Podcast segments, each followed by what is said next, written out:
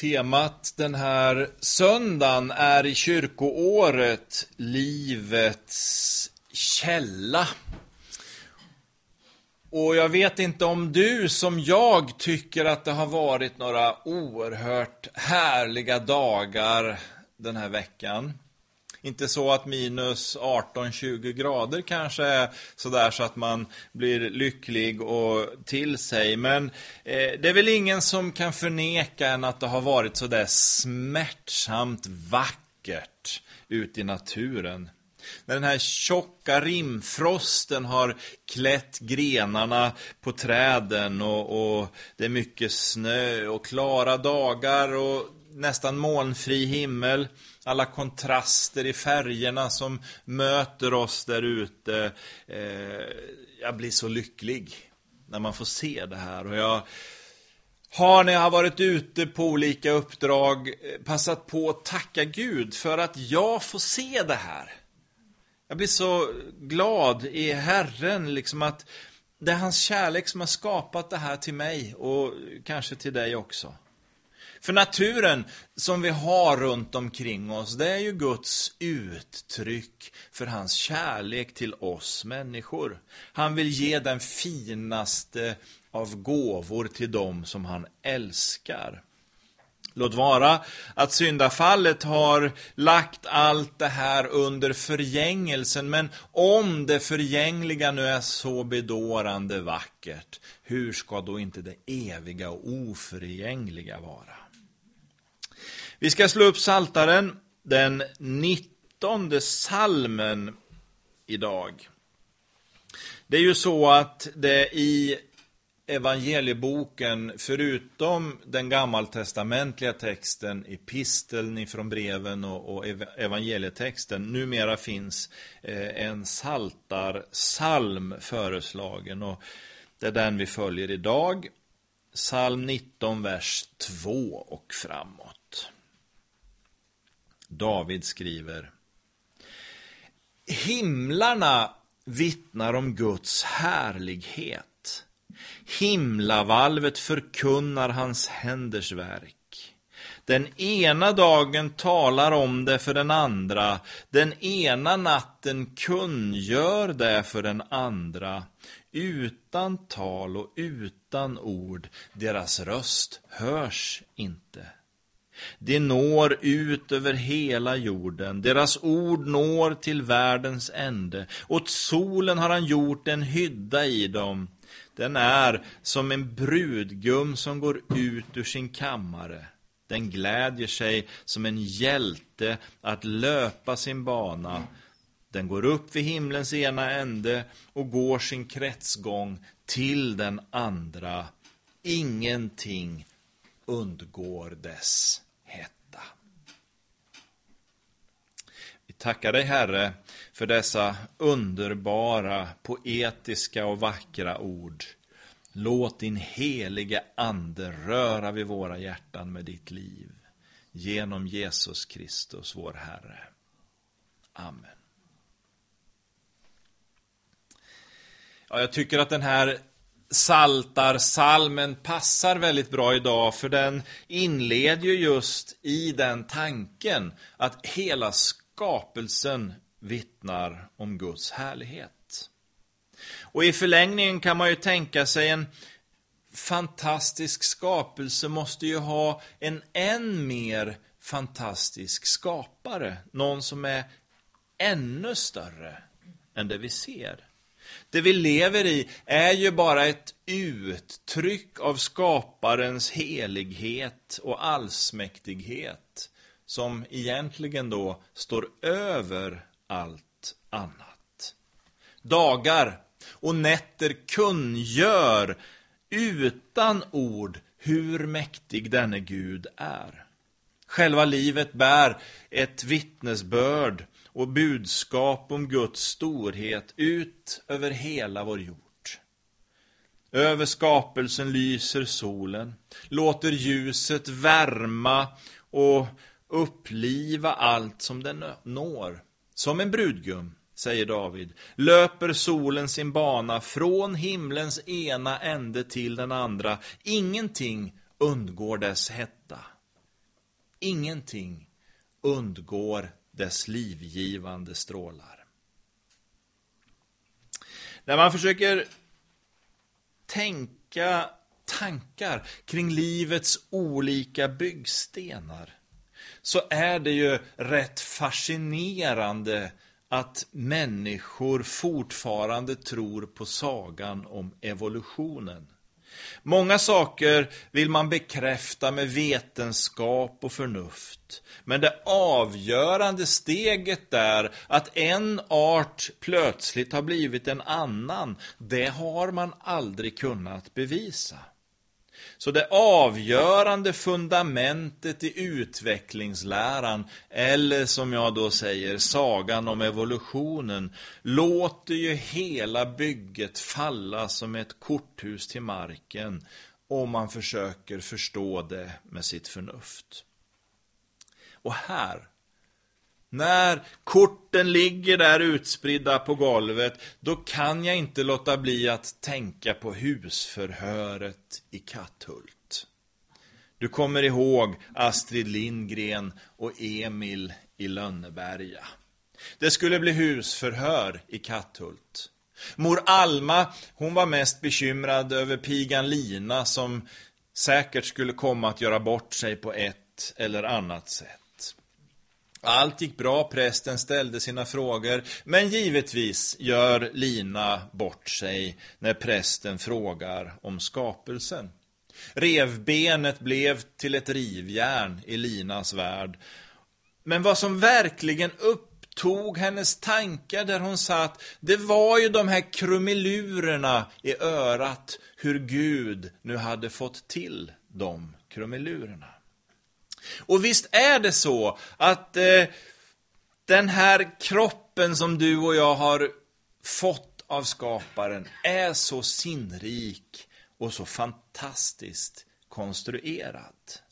Och jag brukar säga att den som vill tro att den kropp vi har fått och den skapelse, höll jag på att säga, den värld vi lever i då, är resultatet av en slumpmässig utvecklingskedja, ja, den människan behöver oändligt mycket större tro än den som sätter sin lit till att det finns en skapare bakom allting. Evolutionisternas problem är ju att syndafallet ställt människan högst upp i rang. När Adam och Eva föll i paradiset, i Edens lustgård, var ju problemet att man ställde Gud åt sidan och själv tog hans plats som den längst upp i pyramiden. Därför utgår också evolutionisten från att allting kan förklaras med det mänskliga förståndet. För vi är ju längst upp. Aposteln Paulus rör vid den tanken i Romarbrevets första kapitel, där han skriver att människan har förblindats av sina falska föreställningar så att mörkret sänkt sig över hennes oförståndiga hjärtan. De påstod sig vara visa, fortsätter han, men de blev dårar och de bytte ut den odödlige gudens härlighet mot bilder av dödliga människor, fåglar och djur. Det naturliga blir onaturligt. Och det onaturliga blir naturligt. Begär och otukt blir accepterat. Guds skapelseprincip med relationer mellan män och kvinnor byts ut till alla möjliga och omöjliga konstellationer. Ja, Paulus radar upp många saker som när detta skrevs i slutet av 50-talet, 20 år efter Jesus bara, ja, det är som att slå på en nyhetssändning idag. Vi förstår av Bibelns undervisning att skapelsen verkligen är lagd under förgängelsen. Allt går emot sin upplösning. Men ändå Trots det kan Guds ande röra vid djupet av våra hjärtan så att vi ser hur smärtsamt vacker denna skapelse är trots att den är sargad och skadad. Där, någonstans, föds hoppet i mitt hjärta. David talar i salmen om solen som en brudgum som kommer ut ur sin kammare och löper sin bana runt hela jorden. Och jag tänker, även om det kanske inte är så vi ska tolka just den versen, att det ändå är som att Jesus kliver ut och uppenbarar Faderns kärlek för hela vår värld. Att det trots syndafallets vidriga konsekvenser ändå finns ett frö av liv. Ett frö av härlighet ligger kvar i skapelsen. Det finns ett hopp. För även om allt detta går mot sin upplösning finns det något bortom denna skapelse som är större, som är härligare och som är långt mer fantastiskt. Därför skriver också salmisten i den 92 salmen Det är gott att tacka Herren och lovsjunga ditt namn, du den högste.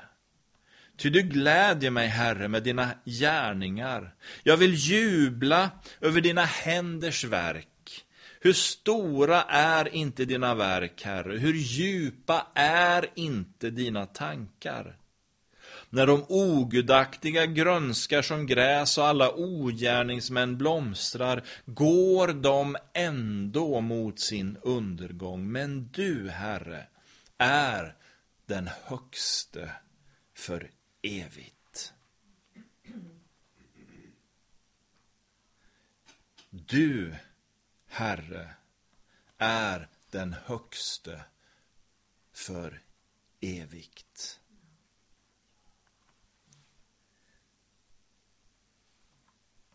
För mig kan den vackra vintern bli till ett oerhört starkt vittnesbörd om frälsningen.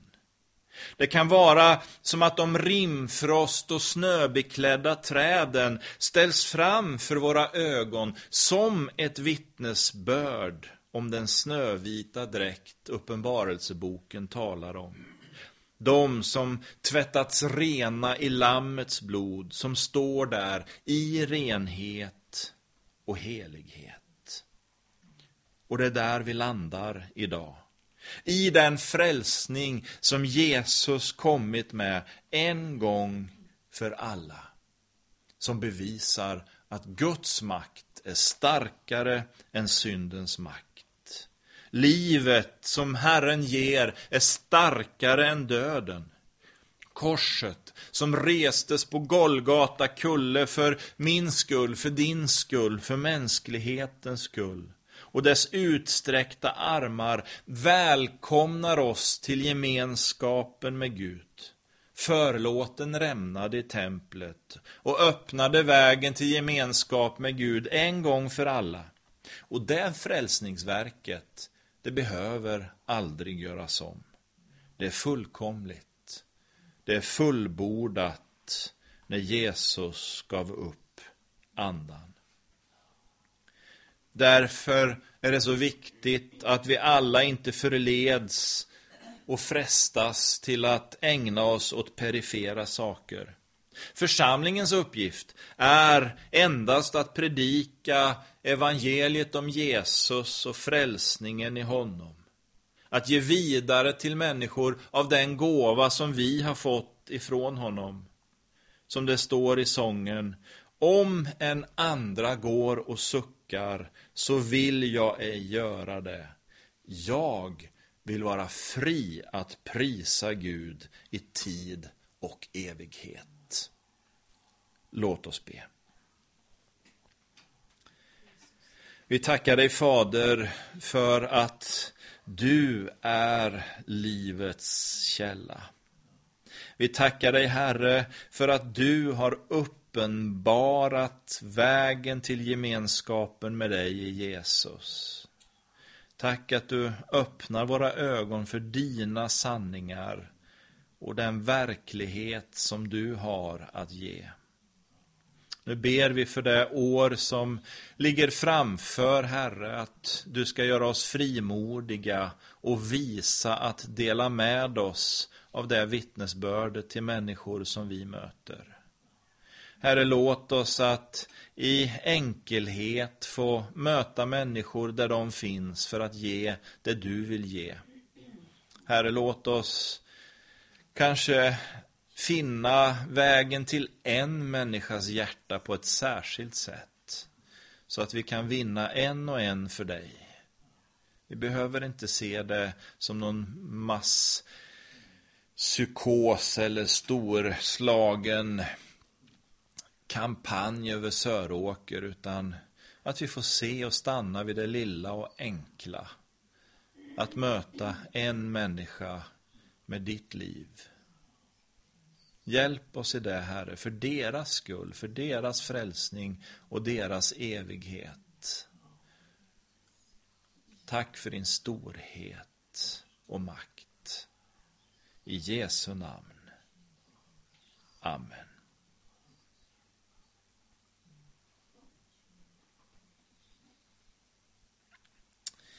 Halleluja, och det jublar inom mig, jag är så säll. 645 ska vi sjunga tillsammans.